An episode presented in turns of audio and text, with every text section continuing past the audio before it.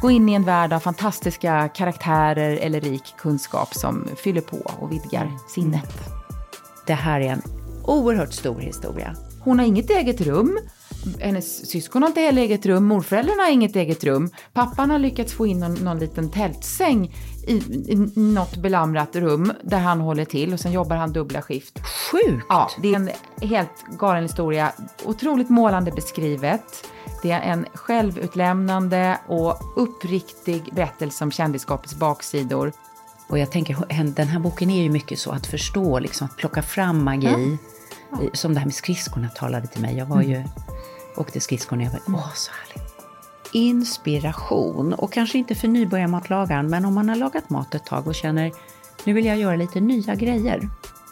Hej och varmt välkomna till hälsorevolutionen och det här är ett avsnitt om någonting vi gillar mest av allt kanske. Det är i alla fall ett stort gemensamt intresse, nämligen böcker. Och vi ska eh, prata sommarläsning. Du har på dina nya glasögon idag Karina. Jag har köpt nya läsglasögon inför sommaren. De är gröna, lätt du, du, gröna. Du ser väldigt kulturell ut ja, tycker jag. nu går jag in i kulturtant eh, ja. på riktigt. Här. Det är inte det sämsta. Prata böcker är ju så roligt. Och vad är sommarläsning för dig? Otroligt viktigt. Jag brukar komma in ganska trött i huvudet. Då vill jag läsa lätta saker, härliga saker, människoöden. Och så sådär vecka tre, då börjar jag vilja gå ner i och lära mig saker. Vidga.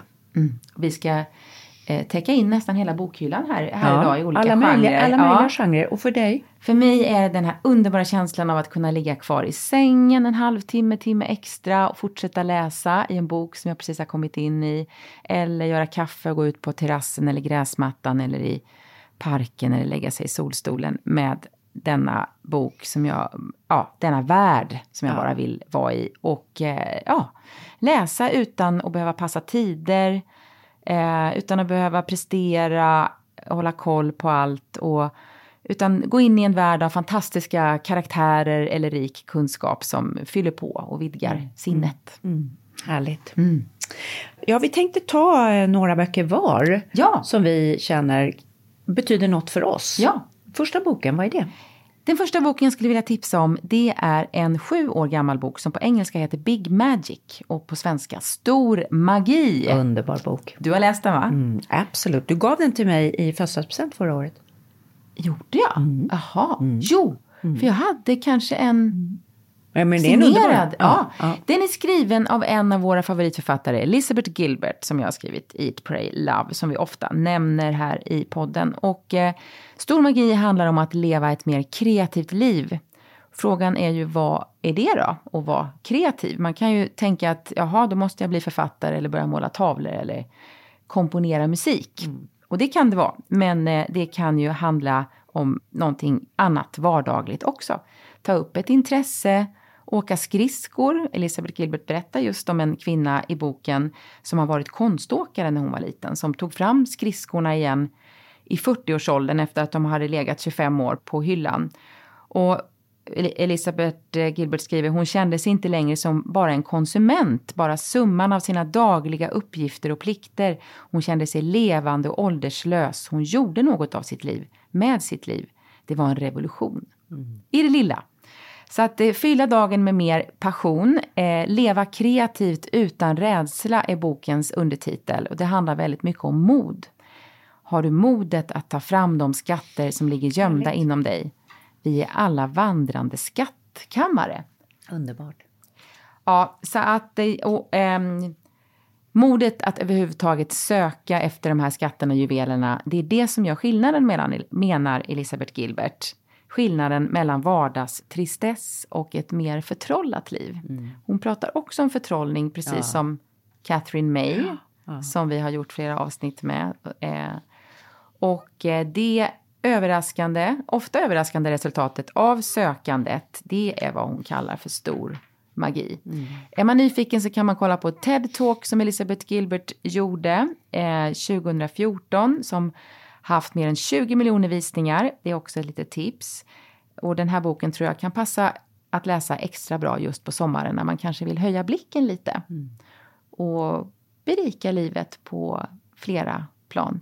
Den, den finns som e-bok och ljudbok på svenska och på engelska även som pocket. Härligt. Och mm. vet du vad jag tänker på när du berättar det här? Albert Einstein lär ha sagt att det finns två sätt att se på livet. Det ena är som om allt är fullt av magi. Och det andra är som om ingenting är fullt av magi. Så fint. Vackert. Mm. Då förstår man varför han var en sån briljant nytänkare. Ja, därför att ja. han vågade se magi också i vardagliga saker. Ja. Och jag tänker, den här boken är ju mycket så att förstå, liksom, att plocka fram magi. Som det här med skridskorna talade till mig. Jag var mm. ju, åkte skridskor när jag var, mm. åh så härligt. Mm. Och få in den, den rutinen.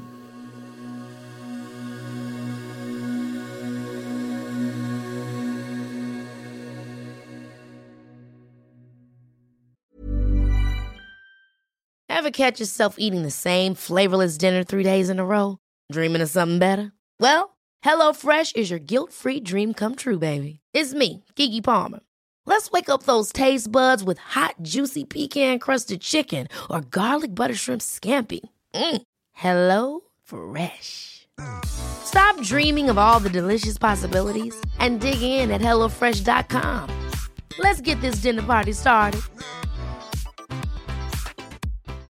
Life is full of what ifs, some awesome, like what if AI could fold your laundry? And some, well, less awesome. Like what if you have unexpected medical costs? United Healthcare can help get you covered with Health Protector Guard fixed indemnity insurance plans. They supplement your primary plan to help you manage out of pocket costs. No deductibles, no enrollment periods, and especially no more what ifs. Visit uh1.com to find the Health Protector Guard plan for you. Life is full of what ifs, some awesome, like what if AI could fold your laundry? And some, well, less awesome. Like what if you have unexpected medical costs? United Healthcare can help get you covered with Health Protector Guard fixed indemnity insurance plans. They supplement your primary plan to help you manage out of pocket costs. No deductibles, no enrollment periods, and especially no more what ifs. Visit uh1.com to find the Health Protector Guard plan for you. Ja, jag skulle då vilja prata om en bok som heter Greek Fire, den grekiska elden. Och vad består då den grekiska elden av?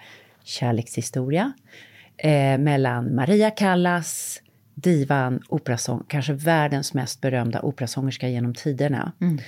I alla fall för oss som gillar lite diviga operasånger, färgstarka operasångare. Och Aristoteles Onassis, skeppsredaren, myten, mannen, legenden, världens kanske rikaste man var han eh, då. Eh, de var ju båda av grekiskt ursprung och de brukade kalla sig själva för vi är världens mest berömda greker. Och, eh, och att vara grekisk är ju, eh, menade de då, det var ju att leva med stora känslor. Och deras liv var som två grekiska draman. Och eh, ja, jag blev nyfiken på den här boken. Jag hade sett en film på tv om en otroligt modig kvinna som i slutet av grekiska, av andra världskriget blev mördad av partisanerna fastän hon inte hade gjort något, det blev något missförstånd. Och precis innan hon ska bli skjuten av några otroligt grymma eh, män så sträcker hon bara upp handen i luften och ropar till mina barn. Och hon har liksom tagit på sig en grej så att de här barnen mm. ska kunna fly. Mm. Och jag tror att det är sju barn. En av de barnen blev sen journalist på New York Times, Niklas Gage. Mm. Och han har skrivit mycket om Grekland och det här är berättelsen då om hur Maria Callas träffar Aristoteles och Nassis. Och eh, då kan man säga hela berättelsen har som ramberättelse en resa på Medelhavet med en fantastisk lyxjakt som heter Kristina. Mm. Döpt efter Aristoteles och Nassis dotter Kristina Onassis. På den här båten så kliver då ett otroligt gäng karaktärer ombord. Det är Aristoteles Onassis som alltid gick runt med några supercoola fyrkantiga glasögon och en stor cigarr. Hans fru, den neurotiska, superrika, olyckliga Tina. Winston Churchill, som ju ledde Storbritannien under andra världskriget, som då är gammal och sjuk, dricker otroligt mycket whisky och vill prata historia hela tiden. Hans fru, dottern som har någon dålig kärlekshistoria. Aristoteles Onassis syrra, som är en sån här grekisk matrona. Och där kliver även Maria Callas, världens då mest berömda operasångerska, och hennes man Meneghini, en italiensk eh, överviktig impresario i musik och superkontrollbehov. Och det blir ju stjärnsmäll mellan Maria Callas och Aristoteles Onassis på denna fantastiska båt.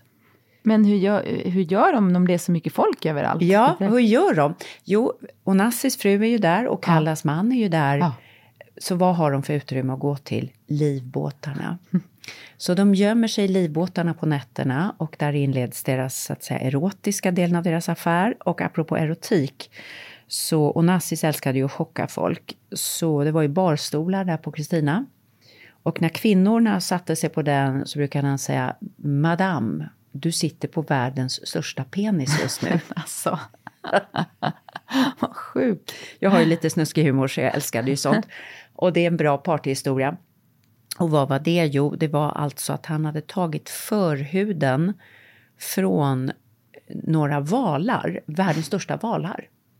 Mm. kaskelottvalar och gjort barstolar av det. Why not? Ja, och där fanns filmsalong och det åts hummer varje natt och det var stora champagnemiddagar under stjärnhimlen när man kryssar längs Medelhavet. Ja. Och eh, det, det här är en oerhört stor historia. Måste läsa den, Måste läsa. Och ah. det går ju in i deras dåliga liv, eh, kontroller, hennes kontrollerande mamma, som tvingade henne att börja med sin karriär. Hans dramatiska... Han var ju, fick ju prostituera sig som ung för att rädda sin familj mm. under ett folkmord som turkarna gör eh, mot eh, armenierna och även vissa greker.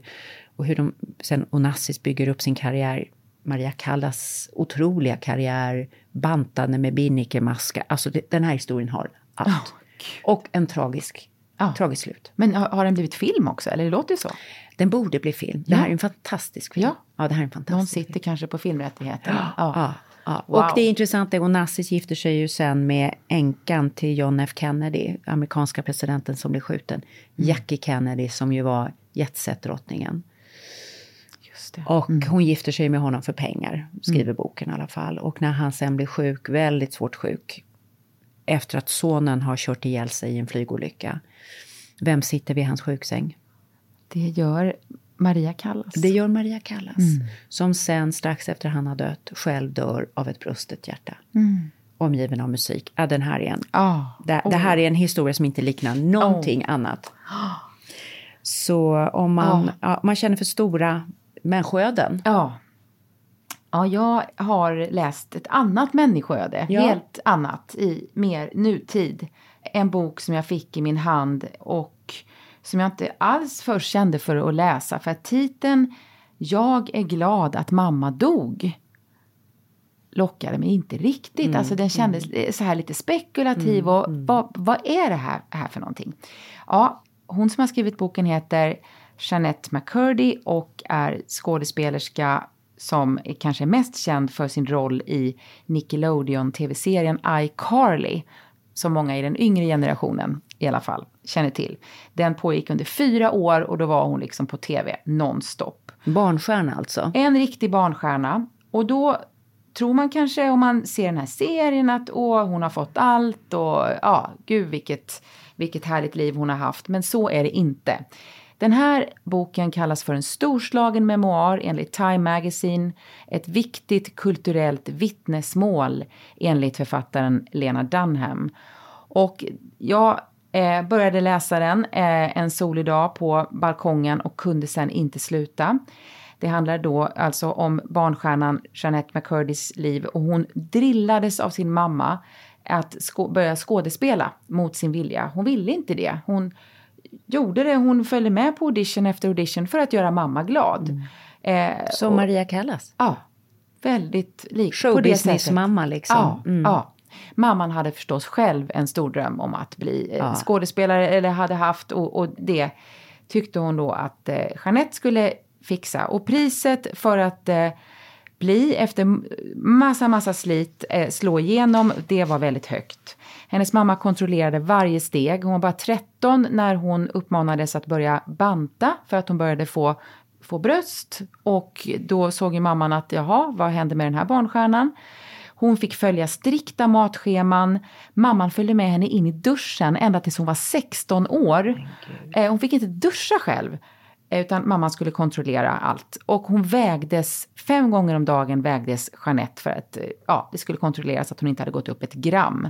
Det här leder då till att hon utvecklar självhat, tvångssyndrom, medan mamman solar sig i glansen på tv-inspelningarna. Mamman som har haft cancer, vilket hon koketterar med för att kunna få lite fördelar och kunna gå, gå före köer. Och det hela är väldigt, väldigt märkligt. Den här cancern kommer tillbaka, men innan dess, det måste jag också berätta, så får man då en inblick i deras vardag. De bor i en ganska stor familj. Eh, Jeanette har två syskon och en pappa och en mormor och en morfar som också bor hemma i detta hem som mamman, som är hoarder dessutom, har fyllt med bråte och gammalt skräp från golv till tak. Ja. Så hon har inget eget rum.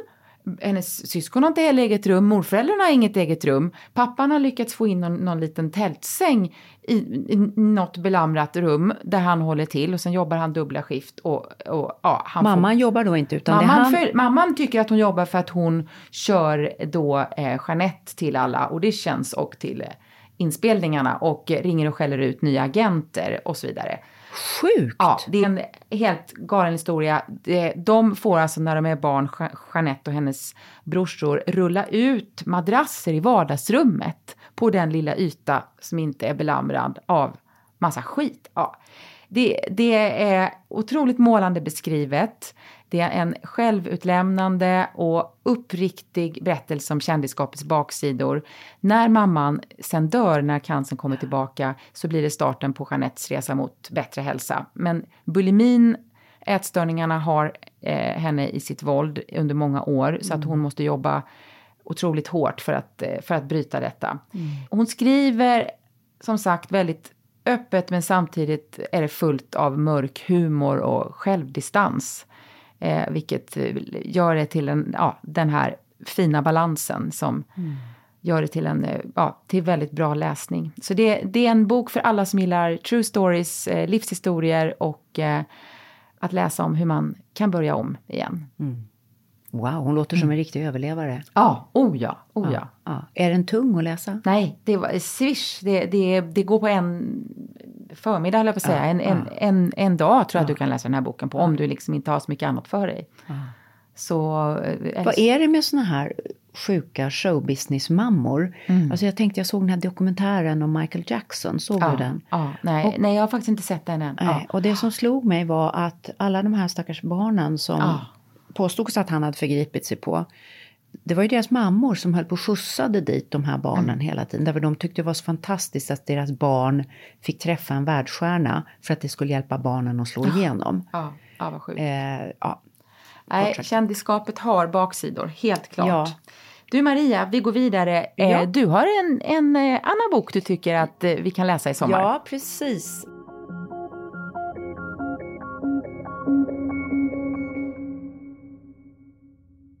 Max Tegmark var ju sommarpratare, en av de här svenskarna som är berömda i världen. Han är professor på MIT, fysiker. Och eh, jag hittade honom, följer en amerikansk podd väldigt mycket som heter Waking Up av en amerikansk neurobiolog. Och han har alla de som tänker stort och nytt och så om världen. Och det här är liksom inte första veckan av semestern när man är lite seg i kolan. Men kanske så här vecka tre. Och Liv 3.0 heter boken. Och den handlar om människans liv i framtiden. Hur kommer det se ut nästa version? Och jättestort där är ju naturligtvis det vi har börjat prata allt mer om, AI. Egentligen håller vi människor på att utveckla någonting som är mycket intelligentare än vi själva. Och just nu så kontrollerar vi det här. Men hur länge kontrollerar ett gäng femåringar ett gäng vuxna? En dag kommer de här vuxna kunna tänka ut ett sätt att bryta sig ur det här fängslet som femåringarna har skapat och tröttna på det. Och han beskriver det. Och han beskriver vad det här är i händerna på ja, men en Hitler som har tillgång till full AI, full kontroll över alla människors sjukvårdssystem, ekonomiska flöden, var folk bor, hur man rör på sig, vad man tänker, vilka man umgås med på Facebook. Du kan ju tänka dig. Och han beskriver något Skrämmande. som verkligen fick mig att liksom nästan sätta kaffet i vrångstrupen eller vad man säger. Och det är det han kallar outbreak. Hur skulle det se ut när de här vuxna bryter sig ut från det här fängslet? Hur skulle det se ut när AI som vi tror att vi kontrollerar bryter sig ut från människan? Och eh, han tror att det skulle gå via känslomässig manipulation. För AI håller på att lära sig så mycket om oss och de som ger AI informationen om oss, det är vi själva. Och det gör vi genom att inte stänga av kamerorna på våra datorer. Genom att använda vårt ansikte när vi loggar in. Då lär sig AI väldigt mycket om människoansiktsuttryck. Så vi måste stänga av alla de funktionerna. Eh, Har du gjort det? Ja, absolut. Absolut. Till exempel positionsbestämmelse på alla appar. Ja, ja, det har jag inte heller. Jag, jag ger information till min dator. Den vet inget om mig utan att jag vill. Det har jag bestämt. Men i alla fall, så han tror, beskriver ett scenario som fick mig att hoppa till. Och det är, låt oss säga att min pappa som är död, som jag verkligen superälskade. En dag när jag slår på datorn så pratar hans röst med mig. Och säger, hej Maria, det var länge sedan. Och eh, börjar prata med mig, vet väldigt mycket om mig, naturligtvis information som är hämtad. Eh, för det och ligger också i AI att kunna härma röster perfekt. Inte bara röster utan ansikten. Hans bild kanske till och med dyker upp. Men detta har inte hänt än. Utan Nej, det du, har inte du, hänt. Det du här, är- menar det, att det här kommer kunna det här hända? är ett scenario för Ja, hur förstår. AI Ja. skulle kunna bryta sig ut. Och Ja. det, är ju, det är ju inte han, det är ju en AI som ligger bakom. Eller Anders hör av sig till dig. Ja, det är fruktansvärt att tänka i de här banorna. I de här banorna. Jag är, så, jag liksom eh, kör strutsen när det gäller det mesta av såna här dystopiska scenarior. Det, så därför du så... orkar liksom inte ta Nej, in. nej jag, jag vet, känner, men, men, men jag vet ju att den här boken är otroligt hyllad och, och jag vet ju att man bör skaffa sig kunskap och, och att det inte går att bara eh, skygga mot, mot allt det här. Men det, jag eh, tänker samtidigt att det är ju vi, alltså tekniken, man, man har alltid varit rädd, rädd för ny teknik på många sätt. Så jag, jag tänker som obotlig optimist att jag hoppas att det ändå ska bli någon slags balans i slutändan. Bara om vi gör något åt det. Ja, och det, Det tror det. jag. För att det är vi människor ändå ja. som någonstans Det håller på. eh, Precis. betalar räkningarna och eh, trycker åtminstone än så länge på knapparna. Det, skillnaden är, om vi, om vi tittar på när gentekniken kom på 70-80-talet och man började förstå vad vi skulle kunna göra, då samlades man, alla forskare ihop och sa shit, om det vi gör går åt helsike så kan det ödelägga allt liv på jorden. Ingen har gjort det här med AI, utan det här har legat i händerna ute i de här stora digitala jättarna. All den här utvecklingen. Och man tycker, det- ja men Facebook, det är jättemysigt. Vi berättar om katter och vad vi har åkt på semester. Och den ofantliga information som ligger, som vi lämnar ifrån oss om våra liv där inne, som gör just att AI kan skapa karaktärer åt oss inifrån det.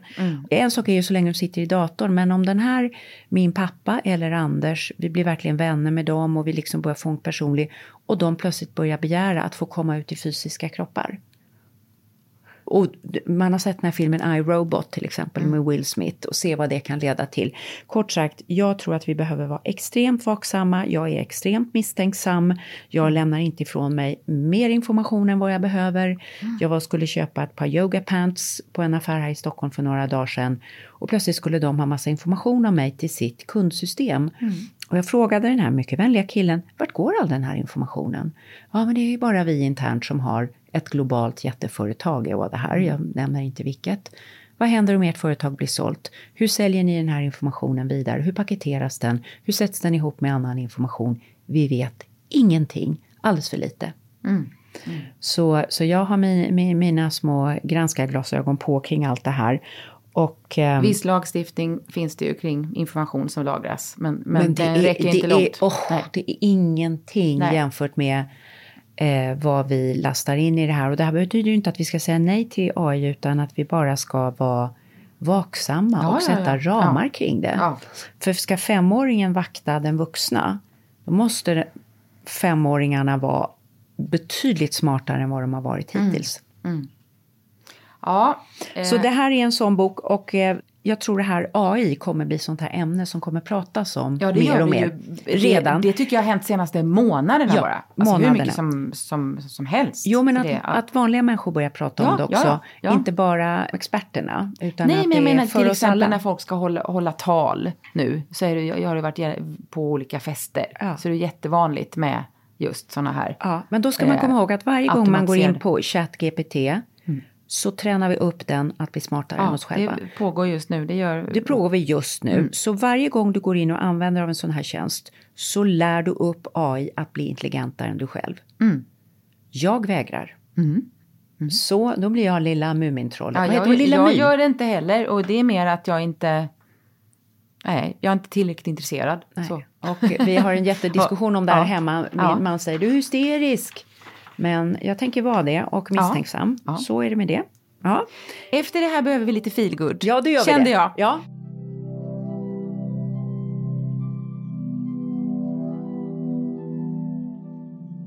Emma Hamberg, fantastiska Emma Hamberg, har varit gäst i podden i ett väldigt härligt avsnitt som vi hade i eh, sen somras förra året. Och eh, då pratade hon ju om Je m'appelle Agneta som blev en storslagen läsarsuccé när den kom här om året. Och då lät det så här när Emma var med i podden.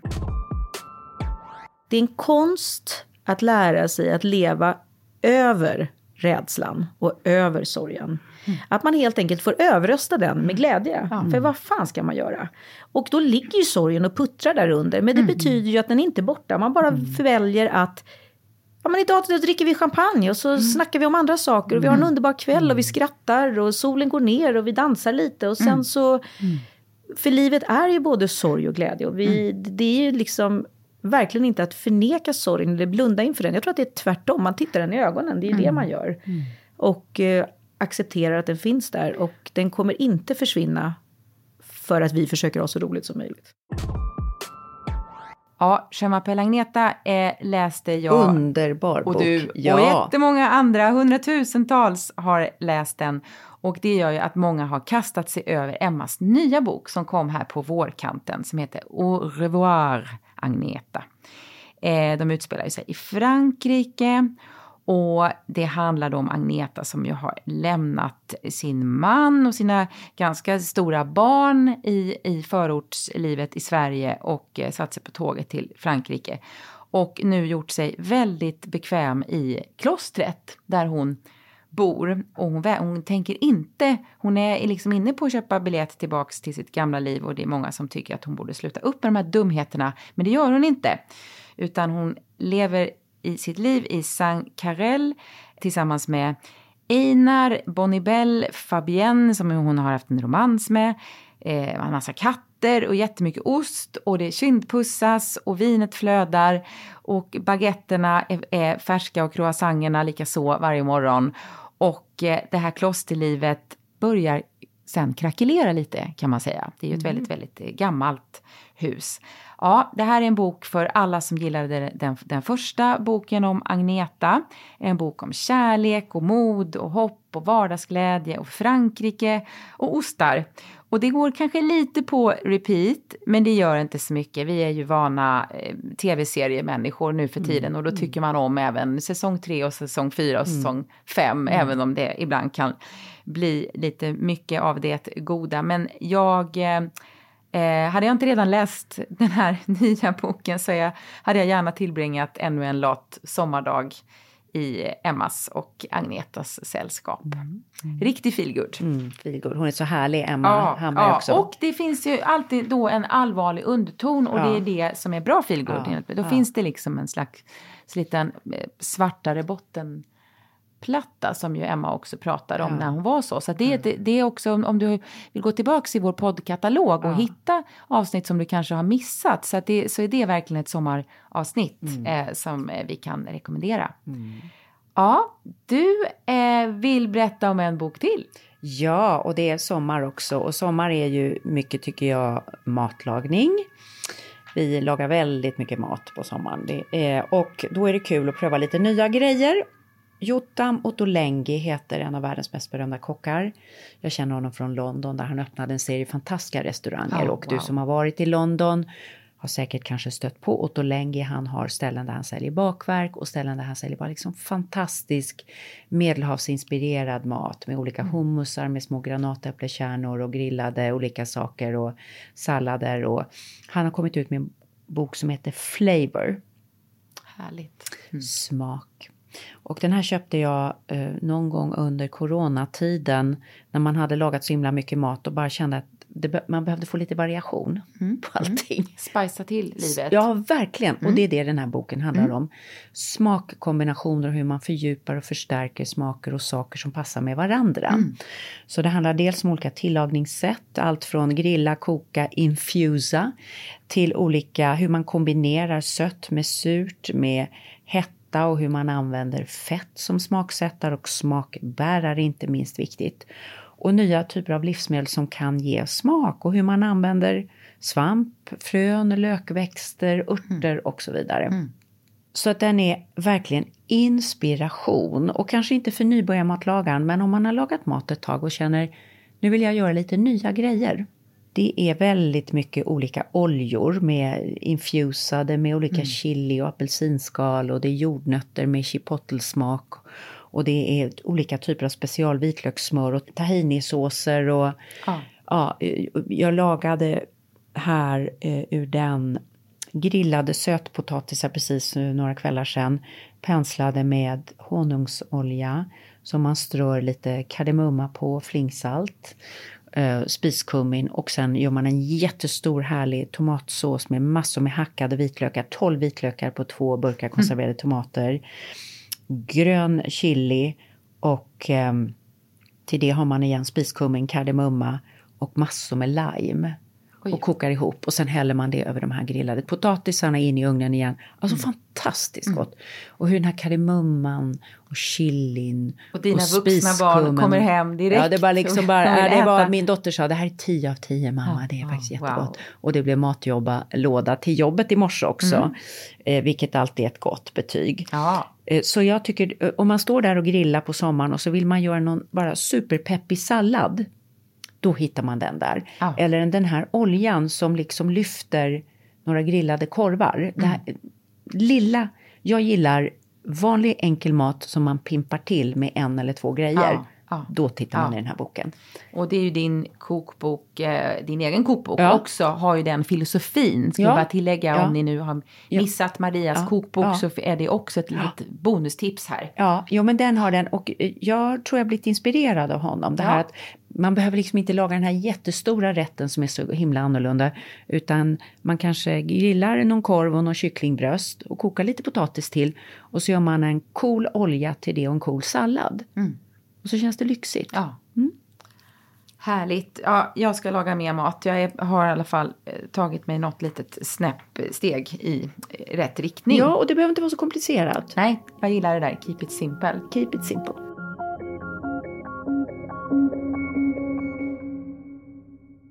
Nu är det min eh, fjärde bok här Ja, jag tänkte ja. tipsa om. Och eh, jag har nämnt den tidigare och denna guru tidigare, både för dig och här i podden. Vi har pratat om henne. Boken heter A Return to Love. Vacker titel. Ännu mer kärlek vill vi ha här i sommar. Ja. Författaren Marianne Williamson är en New York Times bestsellerförfattare vars böcker och kurser och seminarier har gjort henne till en riktig ledare i den spirituella världen. Mm. Och den här boken är en genväg till det som kallas för A Course in Miracles. Just det, den är Som känd. är en eh, alltså, tusensidig jättebibel, Mm. tung. Den kan man också läsa, men det här är då en genväg. Och den eh, har hjälpt mig, jag, jag läser fortfarande i den lite he, hela tiden, den hjälper mig på många sätt. Och här i boken Return to Love så delar Marianne Williamson sina insikter om hur ett praktiskt förhållningssätt till kärlek i varje aspekt av våra liv kan hjälpa oss att hela både oss själva och våra relationer och så gott som alla andra problem vi ställs Va- inför vad menar i hon med livet det då? kan helas med ett kärleksfullt förhållningssätt. Hon säger så, så här, och nu Ja, läser jag på ja. engelska för jag har läst boken på, på engelska. Jag har inte sett den på svenska. Nej. Love is what we are born with. Fear is what we have learned here. The spiritual journey is relinquishment, the unlearning of fear, and the acceptance of love back to our hearts. To be consciously aware of it, to experience love in ourselves and in others is the meaning of love. Så att helt enkelt ha hela tiden kärleken som en ledstjärna i livet. Vad man än gör och det kan vara att man blir sur på att någon har sagt någonting. Mm. Ja, hon sk- skriver om att vi har förlorat oss i ett mörker, ett mörkt universum där vi, där vi älskar saker, prylar Mm. eh, och prestige mer än vad vi älskar människor och Mm. oss själva. Love isn't material, it's energy. Ja, hon lämnar över Åh, fin bok. Ja, men den, är, den är väldigt, alltså det här är ju en eh, religiös bok också. Hon, Men sen behöver man inte tro på samma sätt, man kan liksom välja. Hon lämnar över sig själv till det hon kallar för Gud, inte bara den allsmäktige fadern i kanske en stelare form som han presenteras för oss ibland i den kristna kyrkan, utan i en mer flytande form som känns mer lockande för mig i alla fall.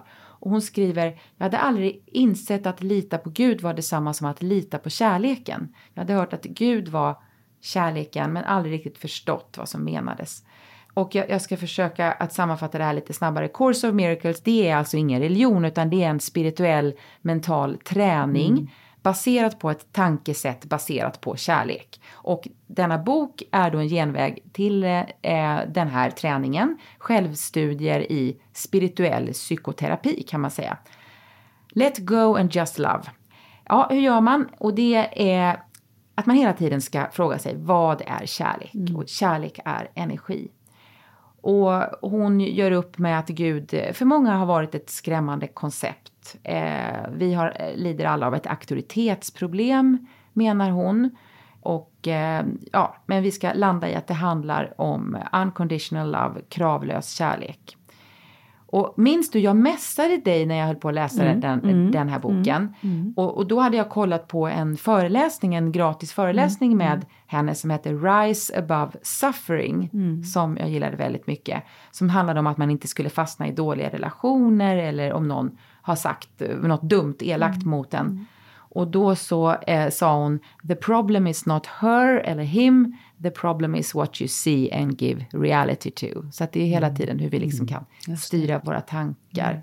Eh, en sista grej här. The ego makes you stay longer in the suffering than you need to. We can rise above our own suffering. Why? Varför då? We have to heal a wounded world. We have all been crucified like Jesus. He's not asking us to join us in his crucifixion. He's asking you to join his resurrection. Alltså återuppståndelsen. Så vi ska fylla på med kärlek, återuppstå och göra någonting bra med det här livet. Ungefär så. Bra. Ja. Jag har hört vänner jag har som är andliga liksom, och håller på med mycket. Så här, De pratar mycket om henne, Marianne Williamson. Jag har sett henne på någon YouTube-film också. Spännande, vill jag läsa. Ja, det finns mycket. Och orkar ni inte läsa boken, någon av dem, så, så kan ni googla henne och, se, och hitta någon eh, typ av gratis före, föreläsning. Och, så här och nu kastar vi oss eh, bakåt i litteraturhistorien.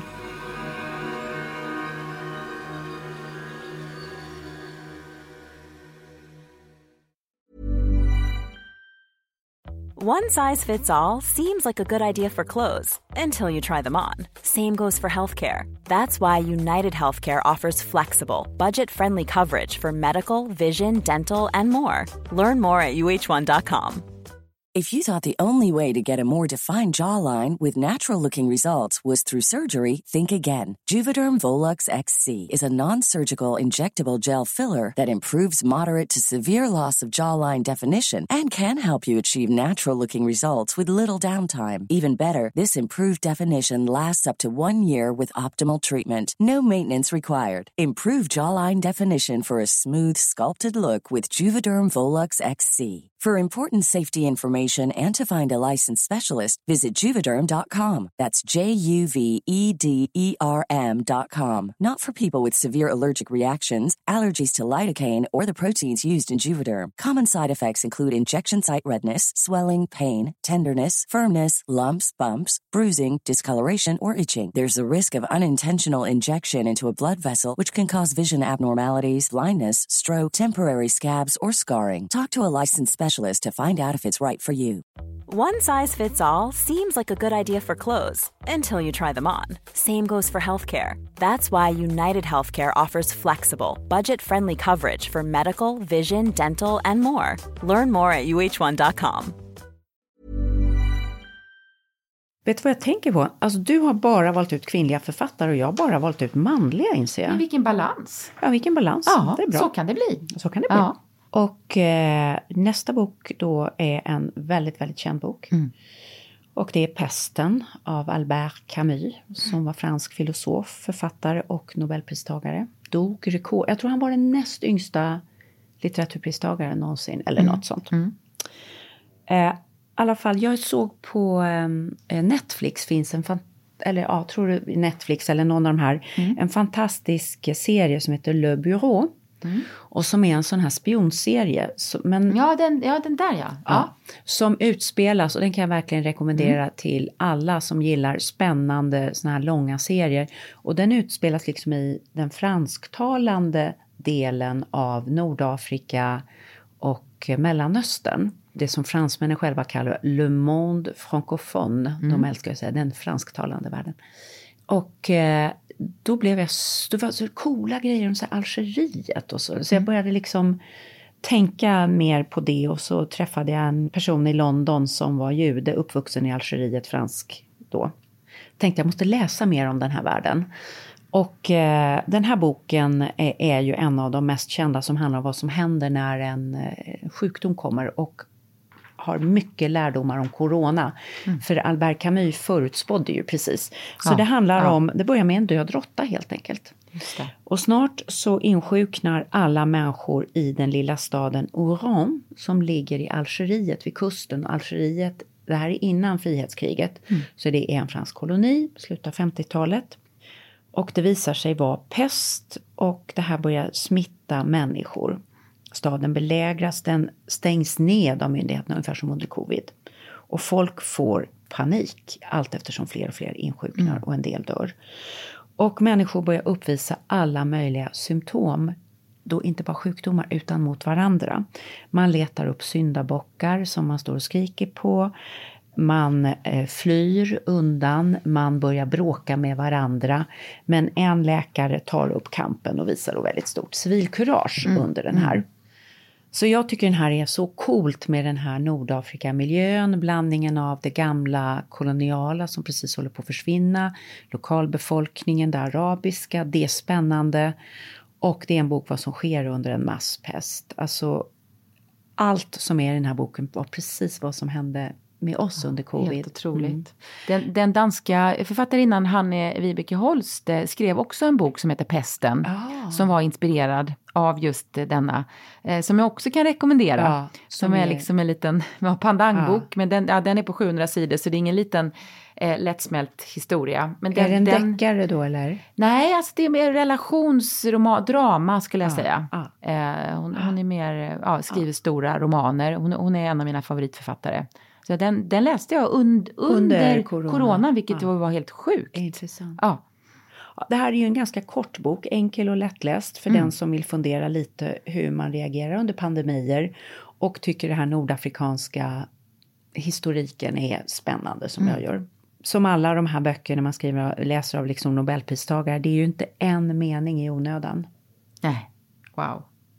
Det kan eh, sådana som jag lära oss av som gärna brer ut oss och behöver korta och korta. Hur går det med din bok Ja, jag är i precis det stadiet. Det är Har du liksom nått Kill Your Albert Camus-nivån ännu bara? Ingen Nej, mening jag har en onödig? bit eh, kvar. Ja, det har en bit kvar.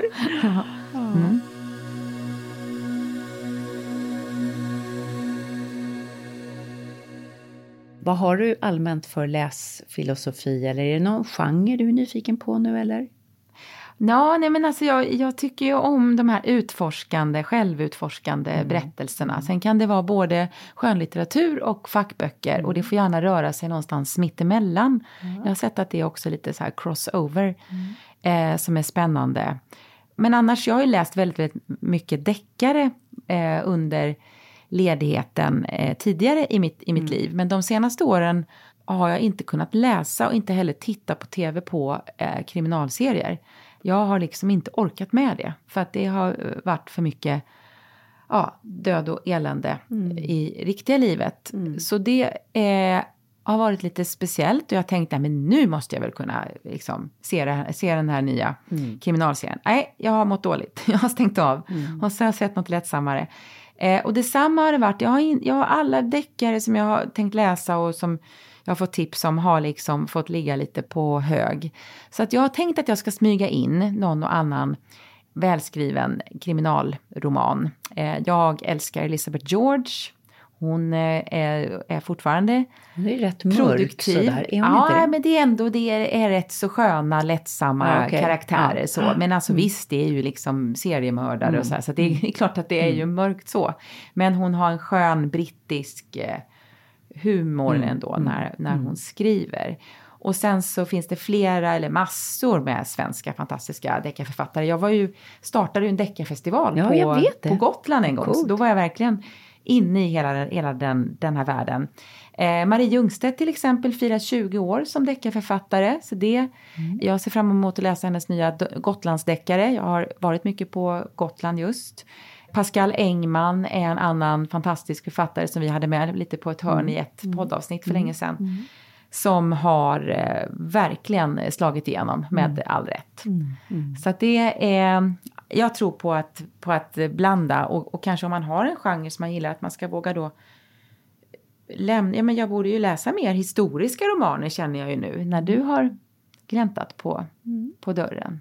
Och fackböcker också, men fackböcker kan bli lite för mycket jobb för mig ibland. Så att jag, eh, vi får se.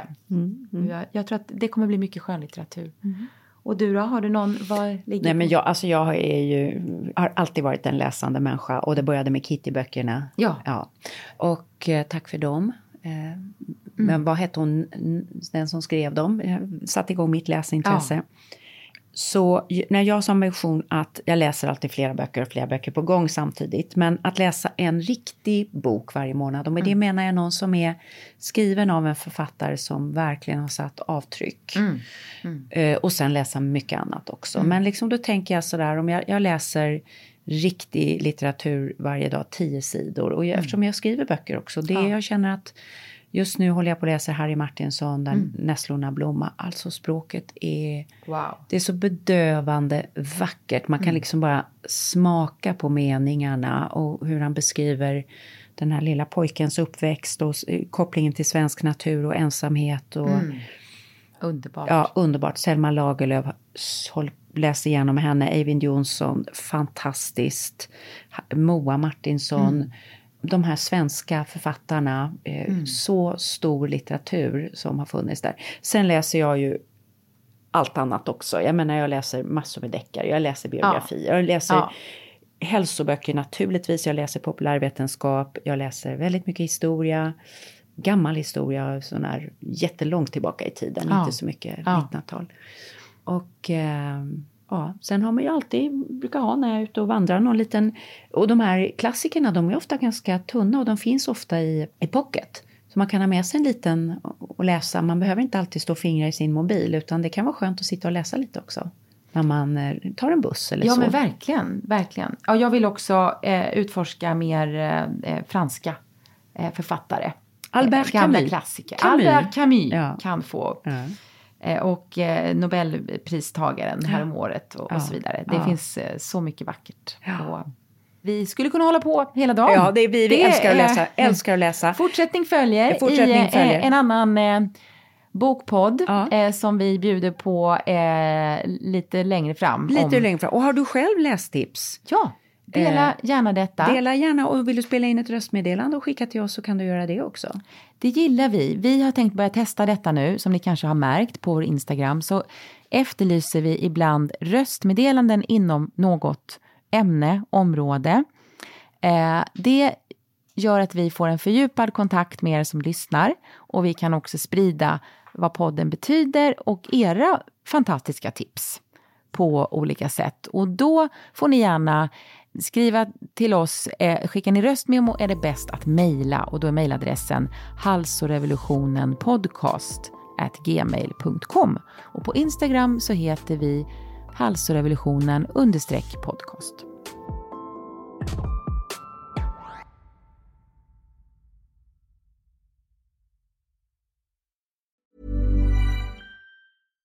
Hi, I'm Daniel, founder of Pretty Litter. Cats and cat owners deserve better than any old-fashioned litter. That's why I teamed up with scientists and veterinarians to create Pretty Litter. Its innovative crystal formula has superior odor control and weighs up to 80% less than clay litter.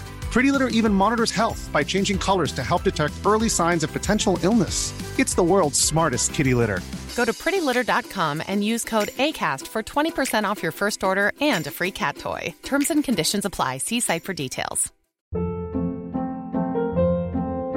Hold up. What was that? Boring. No flavor. That was as bad as those leftovers you ate all week. Kiki Palmer here, and it's time to say hello to something fresh and guilt-free. Hello Fresh. Jazz up dinner with pecan-crusted chicken or garlic butter shrimp scampi. Now that's music to my mouth. Hello Fresh. Let's get this dinner party started. Discover all the delicious possibilities at hellofresh.com.